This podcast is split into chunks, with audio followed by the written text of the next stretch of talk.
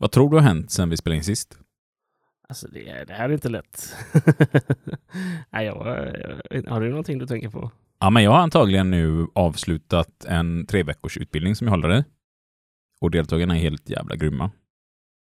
Riktigt jävla bra. De har blivit det? De har blivit det efter de här tre veckorna. Ja, men det låter väl bra. Och de brinner för det fackliga arbetet, så bara här, står här till om det. Jag, jag har faktiskt redan kört en vecka, så jag vet att det kommer att bli så också. Mm. Sen har jag löneförhandlat för eh, ja, dels för hela koncernen, eh, det övergripande, och sen för min region på fyra bolag som jag företräder. Och samtalat med alla medlemmar. Det har jag gjort sen sist. Det låter ju som ett bra mål här nu då. Ja. Ja, jag får nog säga något liknande. Alltså att vi är färdiga med löneförhandlingarna. De tre kurserna jag ska hålla, alla har gått toppen och alla som gått därifrån är skitnöjda. Eh, och förhoppningsvis är vi färdiga med våra koncernförhandlingar. Vilket jävla tråkiga liv, är som vanligt. ja, så kan det vara. Nej, men varför säger vi nu så här? Ja, vi kör ju ett förinspelat intro här helt enkelt. Ja. Och nu när ni lyssnar på vad vi tror att vi har gjort så förstår ni varför vi inte har suttit och spelat in i studion under tiden. Ja. Det börjar bli jävligt gött väder. Jag slängde precis upp eh, studsmattan till barnen här hemma. Så vi har stått och studsat lite här. Så jag känner mig lite sjösjuk här också i studion. ja, men du har ju sjöutsikt över studsmattan också. Ja, precis. Det brukar man ju bli sjösjuk av det. fick du till. Ja. Sommarplaner, har du det? Uh, ja, lite grann. Jag ska väl ut och vandra igen. Det är väl planen. Vart vandrar du den här gången? Uh, det blir Helags är tanken. Uh, uppe i, vad det nu är, nordvästra Härjedalen blir det. Sveriges mest sydliga glaciär. Ja, Okej, okay. spännande. Mm. Och där är slutet? Slutet. För vandringen? Ja, upp och ner. Och då har du efter det ingenstans att gå? Nej, sen, sen åker jag hem igen i bilen. Ja. I planen. Det är som att säga att vandraren har ingenstans Är det det du håller på med? När han kommit fram till slutet. Okej, vad har du för planer? Och du nynna på den ibland när du vandrar? Alltså, det har jag inte så ofta. Nej. Jag har ju någonstans att gå. Ja, det är ju grymt. Det låter faktiskt spännande. Mm. Vad ska du hitta på då? Jag ska bygga klart den här carporten. Det var väldigt, väldigt stor mun. Va? Ska jag göra någonting i sommar? Ja, nej, jag får bygga klart den här carporten som jag i första avsnittet av podden typ sa att jag ska bygga klart. ja, men det är gött. Får säga till när, när du behöver hjälp. Mm. Nu. Nu. nu. Tack. Men det blir alldeles ypperligt eftersom vi ska dra igång här med ett eh, förinspelat avsnitt faktiskt som vi återigen har gjort för LO och eh, ABF.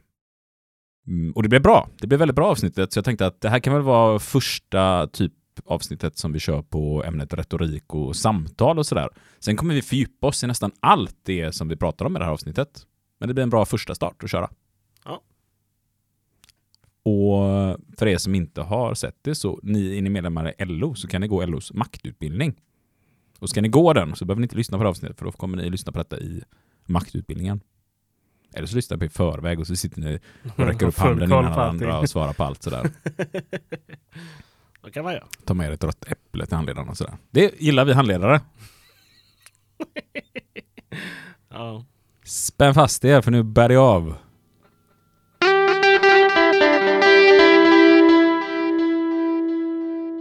I det här avsnittet ska vi prata retorik. Och jag har faktiskt förberett redan, så att redan igår natt så åkte jag runt och frågade Sveriges fem främsta retoriker vilket som är deras absolut bästa knep. Och de svarade faktiskt alla fem samma sak. Hur fan kom du in i mitt hus?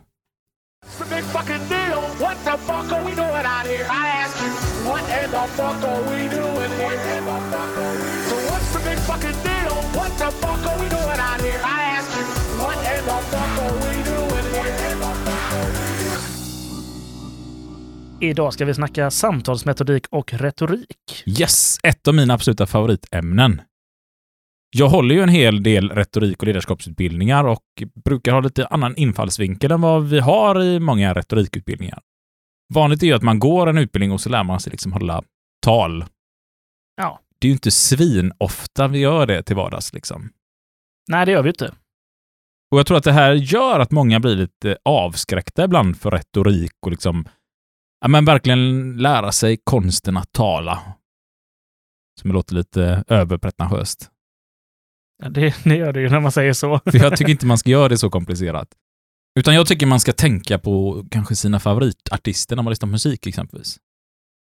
Tittar du lite skumt med. Mm, vad, vad tänker du på då? Men det är ganska sällan som det är de här absolut mest tekniskt kompetenta sångarna.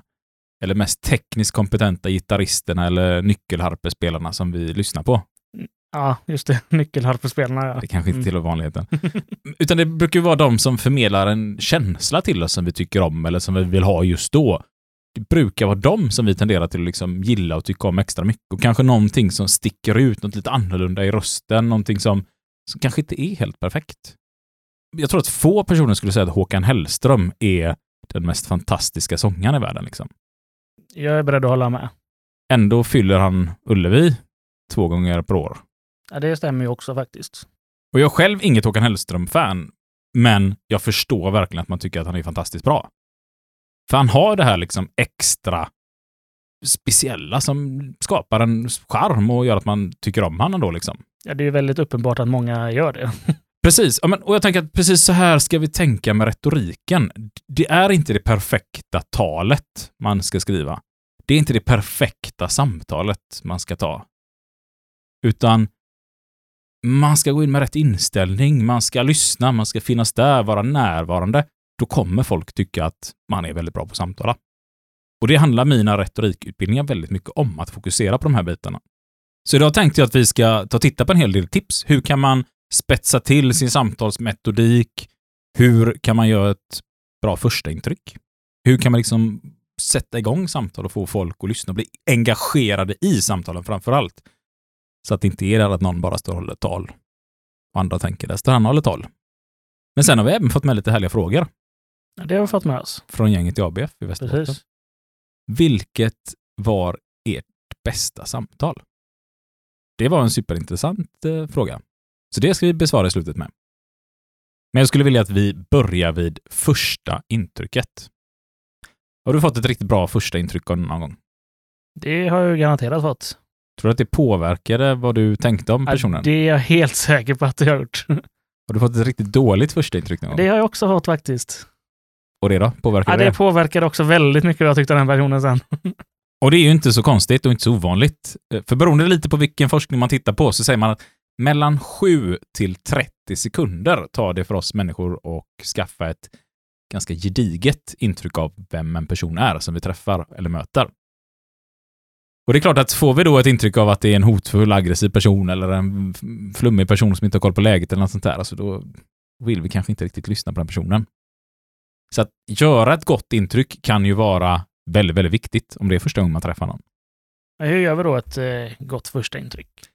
Jo, men det, det absolut första man bör göra, det är att någonstans mentalt förbereda sig vad man vill signalera. Och här tänkte jag göra liknelsen med oss och en plånbok. Ja, det får du berätta mer om, för det Ja. känner jag inte riktigt igen. Det är nämligen så att man gjorde en hel del forskning på eh, så kallade designplånböcker. Så man visat upp de här plånböckerna för vanliga människor. Och så har folk fått sätta ett betyg på vad de tycker om plånboken. Och de har satt en typ tvåa av fem, etta av fem, så här ganska ful plånbok. Sen har man visat upp samma plånbok och tagit om för folk. Det här är en dyrt exklusivt märke då, plånbok. Den kostar 15 000 spänn. Hur snygg tycker du den är? Och helt plötsligt sätter folk en femma i betyg. Spännande. Har inte sådär jättemycket kanske då med utseende att göra, utan folks inställning till vad är det för typ av plånbok. Och lite samma inställning kan man ha när man ska liksom gå in och hålla ett tal. Eller om man ska gå in i ett förhandlingsrum. Eller om man ska prata med en kollega eller vad det kan tänkas vara, egentligen vad som helst. Att man tänker så här, ja, men vad är det jag vill signalera? För våra tankar påverkar alla gånger vad vi skickar ut för signaler också. Tänker jag bistra, dystra tankar så kommer det troligtvis att synas på mig att jag är lite bister och dyster. Och, och är jag positiv och glad så kommer det antagligen synas. så kan man liksom redan innan man kliver in i det här rummet försöka tänka på att men nu ska jag signalera att jag är trygg, säker på min sak, glad, positiv. För det brukar vara bäst att vara glad och positiv när man pratar med människor oavsett vad det gäller nästan. Och så kliver man in i rummet. Man känner sig trygg, man känner sig lite glad. Det syns ett leende på läpparna och troligtvis kommer folk se att ens kroppsspråk är avslappnat, avväpnande, men kanske ändå säkert och tryggt. Och då blixtsnabbt så skickar liksom de här signalerna runt i min hjärna att men det här, nu kommer det in en person som är trygg, säker, bla, bla, bla, bla. Därför tolkar jag personen på det här sättet. Och då har man liksom skapat sitt första intryck som skapar riktigt bra förutsättningar för att kunna ha ett bra samtal. Beroende på lite vilken forskning man tittar på så brukar man säga att mellan 60-80% av de signaler vi skickar ut för hur folk ska uppfatta oss, det gör vi med vår kropp. Eller icke-verbal kommunikation. 20-30% det är rösten och röstläget. Och mellan 7 och 10% det är de själva orden vi säger. Så det är inte alltid viktigast vad vi säger i ett sånt här läge för att få folk att lyssna på oss, för att folk ska känna att åh, vilket härligt samtal, utan det handlar lite om vad gör vi med våran kropp, hur använder vi våran röst och överlag vad signalerar vi? Och för att få till ett bra första intryck så brukar jag ju då rekommendera att man försöker tänka liksom att man ska signalera ut värme. Och det kan man göra genom att göra så här. Och så har du nu då öppna armar och ser lycklig ut. Ja, men lite så. Ett mjukt liksom leende, hålla handflatorna fram mot den man pratar med. Och det, det, liksom, det här går tillbaka till när vi levde på savannen. Liksom. När vi var jägare och samlare. Var vi ute och stötte på någon och man såg att personen höll fram sina handflator. Kolla, inga gömda vapen, ingenting. Man blev tryggare, lugnare. Och det är samma sak. När man blir arg, fientlig, då vill man gärna hålla händerna som knytnävar, va? Och det ser vi med en gång uppfattas som ganska hårt. Alltså, du kanske inte är en person man vill samtala med. Händer bakom ryggen kan också vara väldigt läskigt, för man vet inte vad finns det där bakom. Vi vill gärna så tidigt som möjligt signalera att nej, men här finns det inget hot. Det, jag är trygg. Och det signalerar också att man är ganska stark, för det betyder också att man inte är rädd för att bli påhoppad. Kommer man in i en försvarsposition, att man håller om sig själv eller liksom eh, är tillbakadragen, så att det ser ut som att man nästan försöker gömma sig, då kan man ju skicka signalen att ja, men jag är lite rädd för att ni ska hoppa på mig. Och då börjar man kanske fundera, varför skulle jag hoppa på dig? Har du tänkt hoppa på oss? Är ni med? Det, det är liksom, vi får försöka tänka på det här, vad vi signalerar med kroppen. Kan man försöka visa att man inte är hotfullt avväpnande, så, så brukar det ha en väldigt avväpnande och lugnande effekt på omgivningen. En sak man kan använda väldigt mycket, det är om man känner lite folk runt omkring eller i samma rum, så att man försöker också använda det, att man vinkar och hälsar på folk man känner. Det här ser vi politiker och sådär på hög nivå, så brukar det fejkas väldigt mycket. Man kan se jag såg till med ett klipp på Donald Trump när han kliver ut på en flygplats och står och vinkar åt massa människor och så har någon filmat från en annan vinkel och han vinkar ut i tomma intet på en flygplats bara. Ingen Det finns där. inget där. Men i kamerorna ser det fantastiskt bra ut. Det ser svinbra ut. Han kommer ut och tittar, där kände han någon, där kände han någon, oj, där var ju du! Sådär va. Så man, ja, men han, vi känner redan honom, får vi känslan av då. Så att, och det här tycker jag man bara ska använda genuint. Jag tycker inte man ska göra så att man går och vinkar till tomma intet, för det kan bli ganska löjligt om någon inser att man gör detta för att skapa rätt intryck. Ja, du ser nog ganska falsk ut sen då. Ja, för, för det är ju så att det måste vara genuint. Men känner ni någon i rummet? Alltså är man ute på ett fackligt uppsökeri exempelvis och besöker en arbetsplats där man varit någon gång innan. Superbra att komma in avväpnad och kanske hälsa på någon ny. Hej, du är ny här, jag kommer från IF Metall. Och så kanske man ser någon lite längre Nej men hallå, där är du! Vi sågs ju förra året på uppsökeriet. Och så vinkar man liksom här. Och då kan personen säga, ah, den här personen har varit här, har inte haft ihjäl mina kollegor. Eh, så kanske till och med en kompis då, va?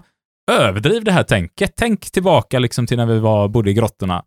Överdriv det tänket. Då kommer folk kunna öppna upp och bli lite tryggare i närheten av er. Sen tycker jag att det blir väldigt viktigt att kopiera sin mottagare. Alltså, vem är det man samtalar med? Och det här måste också ske på ett genuint sätt, för det, det ser man ofta ibland folk lära ut i sin retorik. Det blir liksom nästan som någon försöker stå och manipulera en, alltså som en dålig säljare nästan, och då blir det ju motsatt effekt. Men att man genuint försöker liksom titta, vem är det jag pratar med? Hur, hur är personen? Hur beter sig personen? Och försöka liksom att anpassa sig efter det. Jag tycker att det är jätteviktigt att man anpassar sig efter den man pratar med. Och det kan vara allt ifrån ögonhöjd. Står jag och är väldigt, väldigt lång och pratar med en väldigt kort person, vilket händer mig ganska ofta, då vill jag gärna komma ner på en liknande ögonnivå.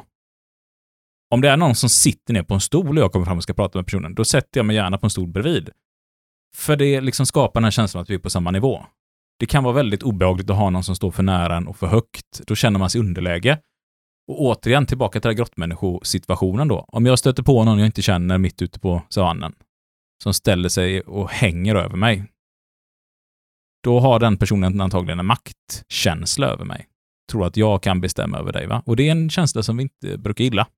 En ganska obehaglig känsla. Ganska obehaglig känsla. Och det finns ju de som använder motsatsen till detta med att man gör sig liten inför folk för att de ska känna att de har makt över en för att man ska kunna manipulera dem. Så. Då tycker jag också att man lätt kommer in i det här ganska äckliga känslan av att man blir manipulerad. Och det, det, nej, det tycker jag man ska hålla sig långt borta från. Men däremot, att vi är på samma nivå, skapa möjligheten för folk att vara på samma nivå. Här är också handslaget enormt viktigt. Vissa tror att ett så hårt handslag som möjligt är bra, för då visar man att man är rejäl. Sådär, va? Stor och stark. Men när man forskar på det så visar det sig att de allra flesta gillar, hör och häpna, ett handslag som är ungefär lika hårt som sitt eget. Vilken chock. Science, mina vänner! Eh, det kan man lägga miljarder på sån forskning. Nej, men det är så att de flesta gillar ett handslag som är ungefär som ens eget. Det är ingen som uppskattar det här stenhårda handslaget. Och det är få som uppskattar det här döda fisken, som det brukar kallas, när det bara kommer fram en helt lealös hand. Va? Men det här kan också skilja sig jättemycket från kultur till kultur. Var man är uppväxt. Så det kan givetvis skilja sig inom kulturer också. Så att det jag pratar om nu, det är överlag västerländska kulturen, Västeuropa, kan vi väl säga i alla fall. Så kan man utgå ifrån det. Det kanske inte är så här alls ni ska göra när ni åker på semester till Japan exempelvis. Energin hos personer man pratar om tycker jag också är väldigt viktigt. Alltså, märker ni att ni kommer in och ni börjar prata, när ni är så här pigga och alerta. Hallå, jag heter Isak, jag kommer från facket. Vad heter du? Ja, jag heter Anna. Ja, men då kanske jag kan tjäna lite grann på att också tona ner lite grann. Ja, Anna, vad trevligt. Lugna ner mig lite så här, va? Ehm, och liksom lite känna in rummet.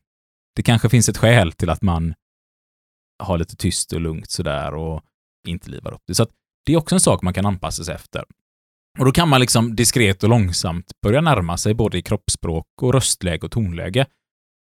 Och då bygger man upp en relation som gör att det är lättare att samtala. Och det här är en förenklad modell av att göra ett bra första intryck. Man kommer märka att använder man den här tekniken så efter en stund så brukar den andra personen man pratar med också göra samma sak, samma spel tillbaka, börja kopiera dig som använder den här metoden. Egentligen inte konstigare än så. Och det är så här vi människor fungerar egentligen. Och vi signalerar hela tiden saker till varandra för att signalera var står vi med varandra.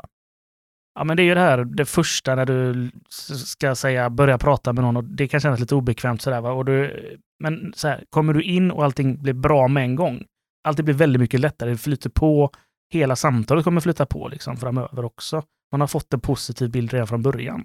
Ja, och det är därför jag tycker att det är så viktigt att lägga så mycket krut på det här med ett första intryck och faktiskt kanske träna lite på att göra sitt första intryck. För folk dömer en väldigt, väldigt fort.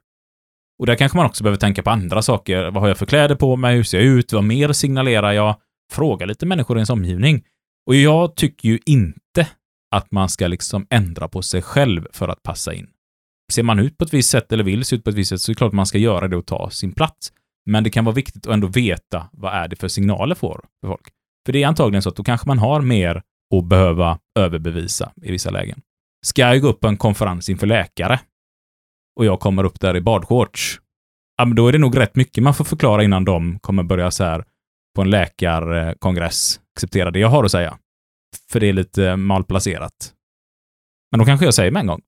Ja, men här står jag i badbyxor på en kongress för att visa er hur viktigt det är med ett första intryck. Och då kanske, ah, oj, ja, det var lärorikt liksom.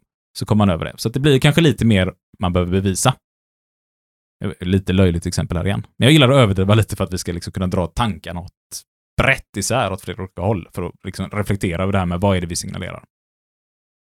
Och nu såg ni allihopa framför er 500 läkare i vita rockar sittandes i publiken här, va? Garanterat. Ja. Det gjorde jag i alla fall. Vi dömer snabbt, gör vi. Sen, för att bli en riktigt bra talare eller en riktigt bra förhandlare så tycker jag att det absolut viktigaste vi behöver göra är att jobba med vår självkänsla.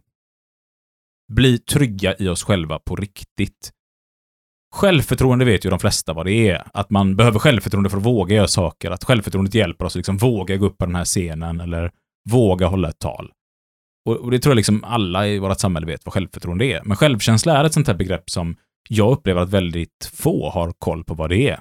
Nästan alla kurser jag håller och pratar om självkänsla så 10% av de jag pratar inför kan, säger att de, jag kan förklara begreppet självkänsla, vad det är. De flesta har liksom, nej, jag kanske har hört det någon gång, jag vet inte alls vad det är. Och det är synd, för jag tycker det här är så enormt viktigt och jag tycker vi så ofta glömmer att prata om det. För självkänsla handlar ju om att tycka om sig själv egentligen, eller, eller liksom det här, vad tycker och tänker jag kring mig själv? Går vi upp på scen, håller ett anförande och är dåligt som bara den, vad kommer vi göra när vi kliver ner? Kommer vi beskylla oss själva och säga att ah, jag var kass, jag ska aldrig göra det här igen? Eller kommer vi känna, ja ah, men det var ett dåligt anförande, men jag är bra. Vad var det som gick snett? Då ska man börja reflektera. Ah, jag hade badbyxor på en läkarkonferens. Det var kanske inte rätt klädval idag. Men jag är ändå bra talare. Där blev problemet. Alltså vi lär oss hitta vad är det som går snett, för det kommer ju att gå snett i samtal. Vi kommer prata med kollegor, vi kommer prata med chefer, vi kommer prata med politiker eller folk på stan eller vad det än kan vara. Det kommer gå åt helvete ibland. Vi kommer säga fel saker, fastna på ord, säga någonting som kanske inte riktigt är korrekt för att vi har fått lära oss fel en gång i tiden och sådär. Det kommer att hända. Och då är självkänslan så enormt viktigt att man efter det kan känna så att ja, men jag är bra ändå. Alla gör misstag, alla gör fel. Och då blir vi så mycket mindre rädda för att ta de här chanserna till samtal. Man vågar ge sig in i en diskussion. För vi kommer att få mothugg. Och ibland kommer det vara någon som har massa information som inte vi har en aning om. Och då kan man lätt börja vackla och så känna oj, oj, jag skulle aldrig rätt mig in i den här diskussionen. Men då kan man liksom falla tillbaka i sin egen trygghet. Och då blir man mycket mer stabil. Och det kommer också synas utåt. Det kommer det absolut göra. Så en stark rekommendation till er som lyssnar nu, det är verkligen att eh, läsa vidare eller lyssna vidare eller sådär om självkänsla. Det kan ni göra i Fucky Podcast bland annat. Men det finns andra ställen också. Och på kursen också då så brukar du prata om etos, patos och logos. Ja, Ta över det, för kan att- fortsätta det. för att prata grekiska. Ja, exakt. Σημαντικό μήνυμα από την Ελλάδα. Είναι ωραίο που τα παιδιά στο Fuck You Podcast γνωρίζουν τα γεγονότα για μια φορά. Och e- det här är ju som du nämner, alltså etos, patos och logos är ju tre begrepp som man ofta använder när man ska skapa ett tal. Jag tycker den är jättebra, den här. Man brukar typ som en triangel och ha med sig alltid i alla typer av samtal. Och jag vill ju gärna att man ska försöka träna in det här och tänka in det så att man liksom har det med sig så att det kommer naturligt så att man inte behöver lägga så mycket fokus på det. Men det handlar egentligen om tre saker man behöver när man argumenterar eller debatterar. Och det ena är etos och det är karaktärens uppbyggnad, liksom, alltså trovärdigheten i dig som talar. Och det kan ju vara massa olika saker. Kommer man ut på en arbetsplats, när jag besöker en bilverkstad, så kommer jag ut från IF Metall och säger hej, jag kommer från IF Metall här på uppsökeri. Ehm, och då brukar jag ganska tidigt säga så här, jag är själv bilplåtslagare, så att jag är inte anställd på förbundet utan förtroendevald, så jag jobbar precis som dig. För att folk ska förstå, ja, ah, här är vi på nu säger jag samma nivå, det låter lite, knepigt här, men vi, vi är lika i våra tjänster och jag har börjat engagera mig fackligt för att det är viktigt för oss som arbetsgrupp. Jag pratar utifrån perspektivet att vi tillsammans behöver göra detta. Och då är det trovärdigt att vara själv en arbetare på samma yrke. Det hade varit kanske mindre trovärdigt om jag kom ut så att jag eh, jobbar som läkare. Där liksom, aha, vad är trovärdigheten i att du kommer ut och ska prata om kollektivavtal i motorbranschen som läkare? Men däremot, om jag ska besöka en patient på ett sjukhus så vill de nog hellre att jag talar om att jag är läkare om jag är det än att jag är bilplåtslagare. Va? Så att, Lämpligt. ja, men karaktären kan ju vara, det kan ju vara olika saker som är viktigt i olika sammanhang. Patos då, det är att man vill väcka känslor, exempelvis använda känslor i sin argumentation. Och det är ofta väldigt, väldigt, väldigt viktigt för att få folk att engagera sig in i samtalet. Och det är lätt att komma ihåg patos, man brukar säga rättspatos, alltså känsla för vad som är rätt eller fel. Så kommer ni ihåg vad begreppet patos betyder. Men det kan ju vara så, så, som att man sitter i ett samtal. Jag vet själv hur jobbigt det är att stå så här i en verkstad och man har dåliga verktyg och chefen kommer ut och stressar på en och så är det samtidigt en kund ska hämta bilen. Bla, bla, bla, bla, bla. Alltså där kan man väcka en sån typ av känsla. Det behöver inte vara något avancerat tal, utan bara få igång känslorna. Och sen kommer vi då in på logos, som är logiken. Alltså folk måste förstå logiken i det man pratar om för att lite förstå vad är det man pratar om och är det trovärdigt detta? Och sen tillbaka till kanske karaktären här och förklara varför man själv har kommit fram till den logiken. Så det är tre bra saker att ha med sig. Och håller man då ett tal så kanske man hoppar mellan sin tes, argumenten för det, bevisen och så tillbaka till tesen eh, och kanske slänger in lite faror och möjligheter med det för att väcka de här känslorna man vill liksom komma till. Ska vi tänka oss då att vi är ute på en arbetsplats och, och pratar om facket eller pratar om politik?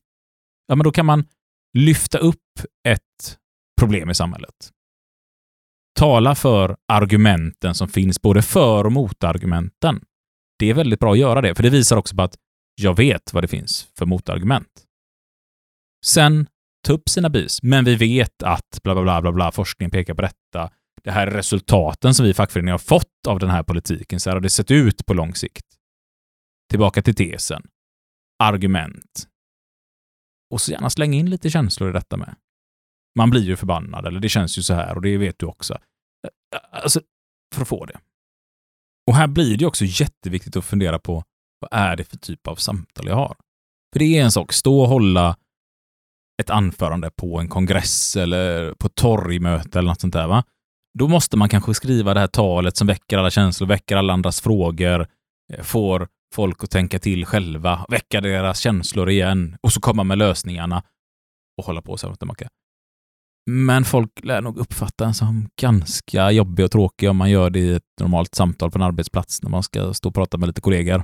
Ja, alltså på en kongress så har du en monolog och då kan du ställa frågan som du själv svarar på. Det gör det väldigt enkelt också. Ja, så jag tycker att man ska inte fastna för mycket i det här med etos, patos, logos och eventio, dispositio, elecutio, memoria, actio. Alltså nu pratar du bara grekiska. Ja, det är rena roma grekiska. Det lät nästan som en despacito. Eh, det finns andra latinamerikanska dängor också. Men man kan ha med det. Jag tycker det är jätteintressant att läsa om det. Det är jättebra att vara indie och bli duktig på tal också. Någonting som jag tycker är väldigt kul och lärorikt. Men jag tycker det viktigaste är bara att ha med sig att så här är tankarna bakom det. Och så kan man försöka väga in de här grejerna i vanliga vardagliga samtal. För när man samtalar med en person på sin arbetsplats, en kollega, en vän eller en familjemedlem eller vad det kan vara, så går det att få till väldigt mycket bättre samtal, tycker jag. Genom att ställa frågor till personen. Står man och håller ett tal så ska man själv försöka få alla att tänka till och komma in i de här känslorna. Men i ett normalt samtal så behöver man inte det. Utan en sån enkel, öppen fråga som vad har ni för problem på den här arbetsplatsen? Kan skapa liksom en timmas lång diskussion med alla möjliga saker där vi kan liksom förklara. Man kan dels prata om att vi, jag känner igen de här problemen, vi har haft dem på min arbetsplats, så här har vi löst dem. Fackföreningen har jobbat med de här frågorna på det här sättet. Vad tycker du? Hur skulle du vilja driva grejerna? Man kan komma in på arbetsrätten. Vad tycker du är bra lösningar? Alltså ge människor chansen att själva få prata och tänka till. Och jag tycker oftast det är det bästa att försöka få människor att också komma på de här lösningarna. Inte lägga svaret i munnen på folk. Det funkar jättebra om man är telefonförsäljare och ska sälja ett par telefonabonnemang till någon. Eh, och det gör man en gång. Och aldrig mer kontakta den personen för att den känner sig blåst. Jättebra metoder. Men det är inte det vi som fackförening håller på med. Vi ska bygga starka gräsrötter. Ja, folk ska ju vara övertygade. Ja, men precis. Vi ska ju inte gå runt och övertala folk. För då, då, då lovar jag att då kommer det att bli lika lätt övertalat åt ett annat håll direkt efter. Vi ska heller inte vara så himla oroliga för att folk tycker olika och tänker olika. För att jag menar, alla är vi uppfostrade på olika sätt och har fått med oss olika saker i ryggen och sett olika saker i samhället, vilket gör att vi kommer alla ha olika bild. Eh, och kan vi få någon att prata om det och man kan faktiskt vara lite nyfiken. Hur kommer det sig? Hur blir det på detta sättet? Oj, hur var det att uppleva de här sakerna? Tror du att det är så överallt? Då kan man få fram ganska mycket av vilka rädslor det är som får personen att känna som den gör. För, för väldigt mycket är det rädslor som styr oss människor och påverkar det vi tycker och tänker. Och det, det ser vi ju ofta när det bubblar upp populistiska partier det är nästan alltid att det bygger på människors rädslor inför saker och ting. Att man ska bli av med något, att någonting ska försvinna. Det är mycket värre för människan än att få någonting nytt. Och det finns det rätt mycket forskning på. Daniel Kahneman bland annat, som jag tycker har skrivit den här fantastiska boken Tänka snabbt och långsamt. Han beskriver det här en hel del om principerna när en människa kan vinna pengar kontra att bli av med pengar. Att vi blir mycket, mycket, mycket mer känslomässiga när vi riskerar att bli av med pengar än att vinna pengar. Vi är mycket mer riskbenägna på att få någonting än vad vi är när någonting riskerar att försvinna från oss. Då är man inte beredd till samma risker. Och det beror till stor del på de här rädslorna vi har. Och de kommer vi aldrig liksom kunna ta en debatt på och komma med starka logiska experiment och vinna över. Utan vi behöver förstå var kommer rädslan ifrån? Varför finns den där? För att på så sätt kunna besvara den på ett bra sätt. Liksom, Okej, okay, det har varit så. Där kommer vi hitta en hel del. Och då är det liksom öppna frågor som vi behöver ställa. Och inte döma de svar vi får, utan verkligen vara nyfiken. Nyfikna ögon och öron, tror jag man säger ibland.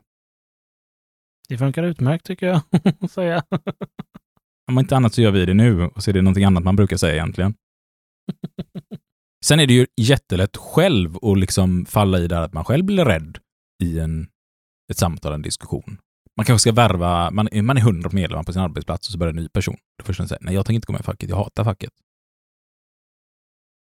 Och så står man där, shit, nu är allt där hotat att vi alltid varit 100 procent, jag har nästan varit självrekryterande. Alltså det kan ju bli hur läskigt som helst när allt det riskerar att försvinna. Och då är det ju lätt att man själv blir aggressiv och hotfull och börjar prata med den personen och då kommer den personen antagligen bara märka det och tänka, nu är de sådär igen, alltid hotfulla och aggressiva. Så här är det varje gång. Och det vinner man oftast inte så mycket på. Så jag försöker alltid ha liksom ett tankesätt eller ett mindset att jag har aldrig, och det här menar jag, jag har aldrig stött på någon som har valt att inte gå med i facket, som har kunskap om vad facket är. Och jag menar det än idag. Jag har varit ute och kört väldigt mycket fackliga introduktioner på arbetsplatser inför alla där det är icke-medlemmar och medlemmar med. Och när man får den här tiden på sig att hålla en facklig intro, förklara vad grunden handlar och folk har varit där och lyssnat och de har fått en chans att ställa sina frågor och man verkligen har bjudit in dem till att snälla tala om vad ni tycker är dåligt. Vad är det som är kass? Okej, det är kass. Och lyssna. Och inte besvara inte det, utan ta in det, bara lyssna. Låt det gå där. Fortsätt föreläsningen. När någon säger att något är kass, ja, ja, nu förstår jag hur du tänker där. Kan du förklara mer och sådär. Så låter man det gå och sen besvarar man det allt eftersom utan att förlöjliga eller fördumma personen. Alltså alla de har gått med i facket när jag varit ute. Visst har det hänt att jag stöter på människor som jag inte får värva till facket för att de säger att jag tänker inte ens prata med dig och så går de därifrån. Ja, men det är svårt. Då får man känna att den personen behöver lite space. Jag testar igen om ett halvår. Och, och jag har till och med lyckats skriva in ett par sådana. För nästa gång man träffar dem, så man, ah, där är du igen, jag ska inte störa dig idag, jag lovar, jag vet vad du tycker. Och då kanske de skrattar så ja ah, det är bra, håll det på din kant där liksom. Ja, men, men när jag ändå är här, alltså, vi behöver ju bli bättre i facket. Alltså fackföreningen har funnits i vadå, typ 100 år och människan har arbetat i 10 000 år. Eh, så att vi är i uppstarten, alltså vi behöver ju lära oss jättemycket. Vad är det du tänker är riktigt dåligt med facket? Och rätt många tittar på ändå liksom så här. Vadå, på riktigt för chansen? Och så säger, de slänger ut sig något. Ja, men det här med att ni, ni jobbar genom sossarna. Den är ganska vanlig att höra, tycker jag. Ja. Ja, jag, jag förstår liksom. Och vi har verkligen inte nått ut heller med informationen om att det var vi som grundade sossarna. Så här, det är ju helt horribelt liksom. Jag var själv inte sosse när jag började jobba fackligt. Liksom. Och så börjar man samtala. Vad är det du tycker är sämst med sossarna? Och så får de berätta och prata lite. Och då kan man sakta, sakta liksom börja börja förklara vad kommer ifrån, varför ser det ut så, det här är faktan. Och jag brukar sällan så här värdera bra eller dåligt, utan bara prata om det är så här, det är därför man kom fram till detta. Det var ju så att inga andra partier ville att vi ens skulle ha rösträtt och sådär, så vi, vi tvungna att bilda ett parti. Det var ju egentligen inte vad man ville som fackförening, man ville ju förhandla löner bara. Och därifrån liksom försöker man att förklara hela bilden av varför har det blivit som det blivit? Och sen kan man avsluta, men om, om det är rätt idag eller inte? Jag kan säga så här, att rätt ofta när man haft det samtalet så får jag svaret, Jo, så sätt så måste man ju nog kanske jobba genom ett parti. Och då kan jag säga, ja, men sen om det ska vara Vänsterpartiet eller om det ska vara Sverigedemokraterna eller Centern eller vad det nu kan vara, ja, men det är upp till medlemmarna att bestämma. Så det får man vara med som medlem och påverka. Nu kan ju inte du vara med och påverka eftersom du är medlem, men det har varit jättekul om du vill komma på en facklig intro. För jag menar, vi ska ha en facklig intro här. Det kommer vara 20 stycken härifrån som ska upp och lyssna. Det var kul om även du som icke-medlem ville vara med, för då kan du ställa de här frågorna och visa dina kollegor med att ni ska ju inte bara vara med i en förening utan att tänka till själva. Och rätt många av de här människorna, de kommer på mötet, ställer frågor och skriver in sig. Sen brukar de alltid tala om så ja, men jag gillar inte att det går pengarna till sossarna. Och sen, nej men skriv en motion, engagera dig. gå lite utbildningar och var med och påverka. Och jag är ju ganska trygg i att de allra flesta ändå kommer ladda i att ja, men vi måste på något sätt jobba politiskt och på något sätt med ett parti som vill driva den politiken som fackföreningarna står för. Det är grundläggande fackligt arbete. Med det här mindsetet så hjälper det en väldigt mycket, tycker jag, att inte hamna i konflikt med personer, utan ta det lugnt och förklara. Och det här kan ju låta lite nedvärderande. Men tänk att ni pratar med en sjuåring eller en tioåring. Och nu menar jag inte utifrån att det är ett barn ni pratar med så. Och tycker ni att ni är nedvärderande så är det faktiskt ni nu som nedvärderar sjuåringar. Vill jag bara hålla emot er. Eh, tänk liksom att ni ska vara pedagogiska. De, de flesta ni träffar kommer inte ha den kunskapen ni har. Och skulle det vara någonting helt annat som vi pratar om som inte har ett dyft med sådana här känsliga frågor som politik att göra så tror jag inte vi hade blivit så här upprörda. Om Jim hade försökt förklara för mig här hur en automatisk växellåda på en lastbil fungerar så tror jag inte att han hade blivit så upprörd om jag ställer massa frågor. Om det ska verkligen vara så, ska det inte vara. Utan förklara att det är lugnt och pedagogiskt. Men det är mycket svårare när det är politik och när det är vår fackförening som vi håller så kärt. Och det här tycker jag väl är de liksom viktigaste principerna inför samtal. Jag tycker att giraffspråket eller non-violent communication är ett fantastiskt språk att lära sig också när man ska samtala sådär, av Marshall Rosenberg. Sen kan man ju även ta och titta på saker som påverkan. Vad är det som påverkar oss människor? Det finns väldigt mycket forskning, bland annat från Robert Cialdini, om vilka saker som påverkar oss väldigt mycket i samtal och så här. Och det, vi kan kalla det manipulation. De flesta tycker manipulation är väldigt negativt klangande ord. Du ser ut att instämma med det. Det låter ju som, definitivt. Och ja, men det här är manipulation och det beror väl lite på hur man använder det. Jag brukar plocka mycket av Robert Kjellins saker för att öppna upp samtal, få folk bekväma.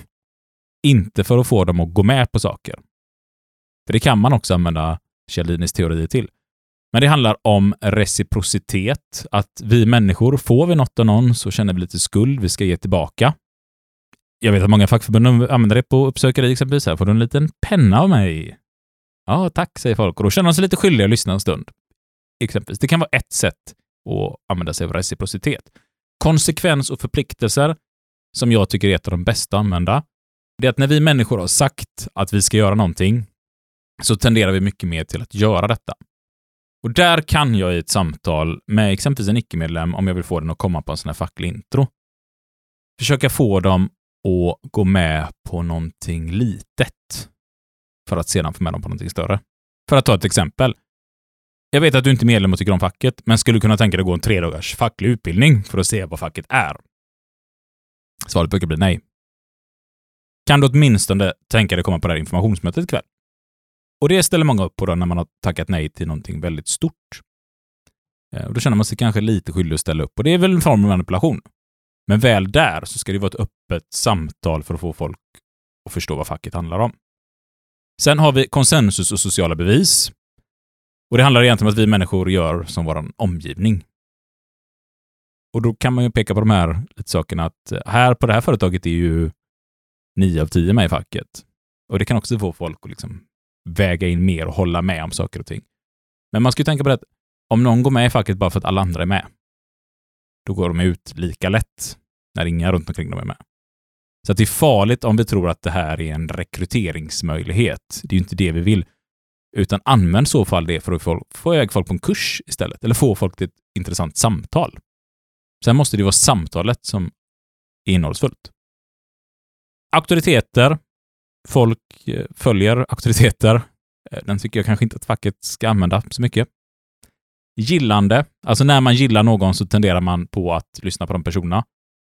Och det, det, är väl ett bra sätt. Kan ni hitta en gemensam sak så är det kanonbra, men det får inte heller kännas falskt på något sätt. Men ser ni att någon har på er en, säg en, en blåvit tröja, då är det klart man går fram och säger ”vilken härlig tröja”. Klart man gör det. Precis, va? Det kan vara någonting annat. Det kan vara att man ser att personen lyssnar på någon viss musik man själv gillar och sådär. Men det måste ju verkligen vara genuint, för annars blir det ju fruktansvärt genomskinligt. Och slutligen är det brist, underskott, som tenderar att få oss människor att ta beslut lite snabbare än vad vi normalt hade gjort. Ehm, Kjelldinens sex principer har vi också tre avsnitt om eller någonting i podden om man vill fördjupa sig jättemycket i det. Men det, men det är liksom man kan spetsa till för att få små knep i samtal Men återigen, jag tycker att det är knep man bara ska använda för att få folk att komma med i ett riktigt samtal som är genuint och där man faktiskt lyssnar och där man har en tvåvägskommunikation. Vi har lite så här fördjupande avsnitt i Fuck You Podcast som man kan gå in och lyssna på på fuckyoupodcast.podbean.com. Finns även på alla stora streamingtjänster så söker man bara på Fuck You Podcast. Eh, om man fördjupar sig i annat, även liksom personlighetsstilar och sådär och vad man kan tänka på när man ska anpassa sig efter olika individer. Är folk energifulla eller inte och sådär eh, för att komma folk nära. Så där finns en mängd retoriktips och kroppsspråkstips och sådär. Det kommer komma ännu fler avsnitt om det också. Men nu tänkte jag vi ska gå in eh, och ta den här härliga frågan. Vilket var ditt bästa samtal, Jim? Och varför? Alltså så här, det är ju kanske inte ett direkt samtal med den här individen som det påverkar väldigt mycket, eh, utan det, här var på en skolinformation. Och jag började diskutera svartjobb. Eh, en av eleverna tyckte att det med svartjobb är väl eh, jättebra. Liksom. Och, och jag, då hamnade liksom jag i en diskussion med, eller ett samtal med den här individen. Men det var ju de som lyssnade runt omkring sen som tog åt sig väldigt mycket. Han, han, jag övertygade inte honom, han tyckte det var jättebra med svart, eh, svartarbete, men eh, väldigt många runt omkring sen var ju väldigt övertygade om att nej, det här är jättedåligt. Eh, och det blev väldigt tydligt sen, för den här killen började på det företag jag själv jobbar. Och han kom och berättade för mig efter ett halvår så att jag valde faktiskt att börja jobba här på grund av att du var där och pratade om detta. Och jag kände väldigt stort förtroende för det här. Liksom. Eh, och han har blivit förtroendevald idag. Och han går en kurs hos, en kurs som du valde just nu till och med. Vad roligt. Ja. Och det kanske man inte just i stunden kan medge eller bryta sin känsla. För är man inne i en viss känsla så kanske man inte kan bryta den. Och det är därför det är så farligt att vi blir dömande mot folk som precis har berättat vad de tycker och tänker. Att man måste ge chans, folk en chans att hinna liksom landa i sina tankar och omvärdera. För det är inget som sker. Ett superbra tips där, det är att man själv också, det här är ett sånt från giraffspråket knep, att man själv talar om. Det är så här jag tänker idag, men jag är beredd på att ändra min åsikt utifrån det du säger. Att man faktiskt talar om det för människor så att de vet om att okej, okay, det jag säger nu kommer personen att lyssna på. Och det kan verkligen hjälpa till folk att bli så här bekväma i samtal. Men det är ju en helt fantastisk story. Ja, det, det slutar ju bra. Även om det inte kändes så mitt i det Nej, samtalet. verkligen inte just då. Och jag har faktiskt varit med om ett liknande sånt samtal som inte var ett av mina bästa samtal, ska jag säga nu. Jag sa nästan ingenting på en arbetsplats, men alla i den här verkstaden stod i en ring. Och en person eh, i princip ja, tyck, berättade vad den tyckte om facket och sådär. Och, och jag ställde i princip bara den här varför-frågan hela tiden. Och den här personen blev så illa omtyckt av kollegorna sen, så att han skrev ett mejl till vårt fackförbund och talade om att han var vansinnig på att jag hade varit där, för nu var han nästan utfryst av sina kollegor. Och jag tror inte jag sa något under hela det mötet, nästan mer än hur tänker du då? Hur tänker du då? men det var också en sån här där helt plötsligt gick alla hans kollegor med, eh, men inte han. Så det var ju som ditt samtal fast motsatt, men det här att ett samtal kan ha jättemycket effekt även fast den personen du står och pratar med inte har...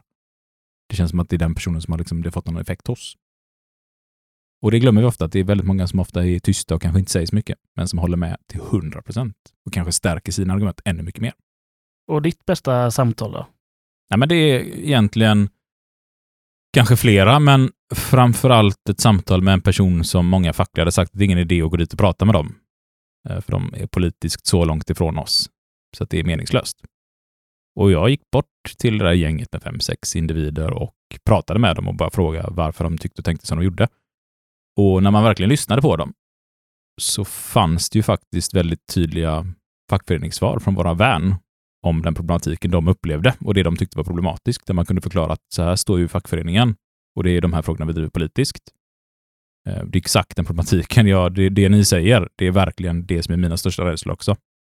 Och det hjälpte ju då också att kunna tala om att det är partiet som de litade, förlitade sig på mest faktiskt har aktivt motarbetat detta i riksdagen. Och eh, de då som inte gick att prata med, inte gick att värva ingenting, de blev alla förtroendevalda. Det var egentligen bara att lyssna på dem, men jag tror att folk hade inte riktigt gjort det innan, utan folk hade gått dit och försökt övertala dem istället för att lyssna. Så det kan vi väl avsluta med, skicka med. Nu har vi bara pratat. Så säger vi till er, lyssna för, för det. Ja, nej men vi rundar av där. Tack för oss. Vi Tack hörs. Mycket. Det gör vi.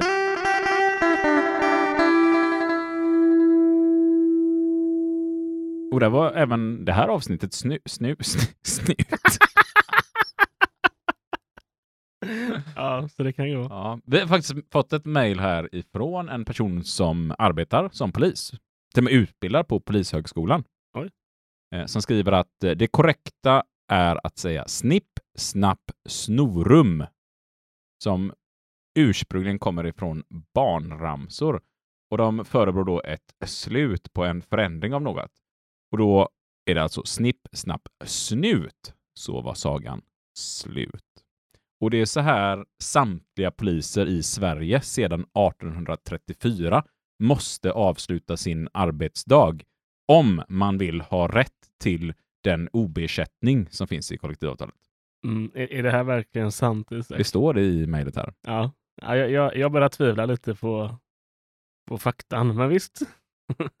Professor Blå står det.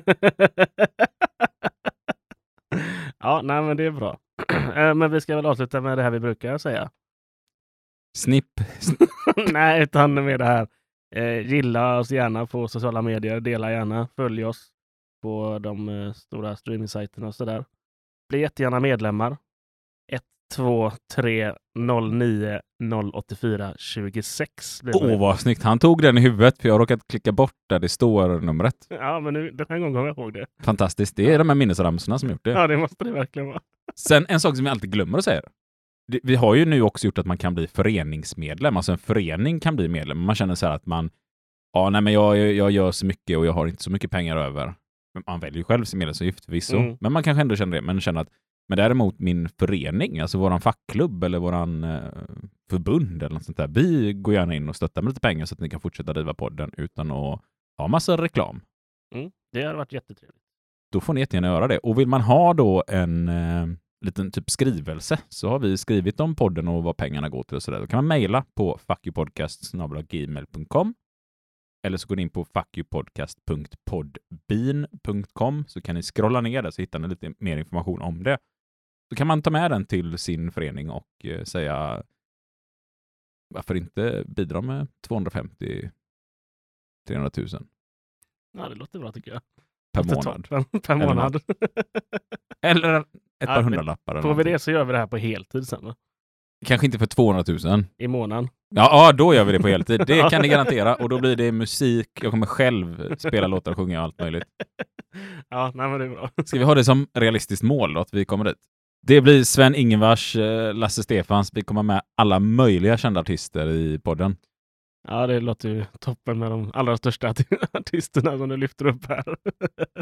Ser ni fram emot det så kan ni också mejla oss på fuckyoupodcast.gmail.com. Där kan ni också tipsa oss om vad ni vill höra i podden.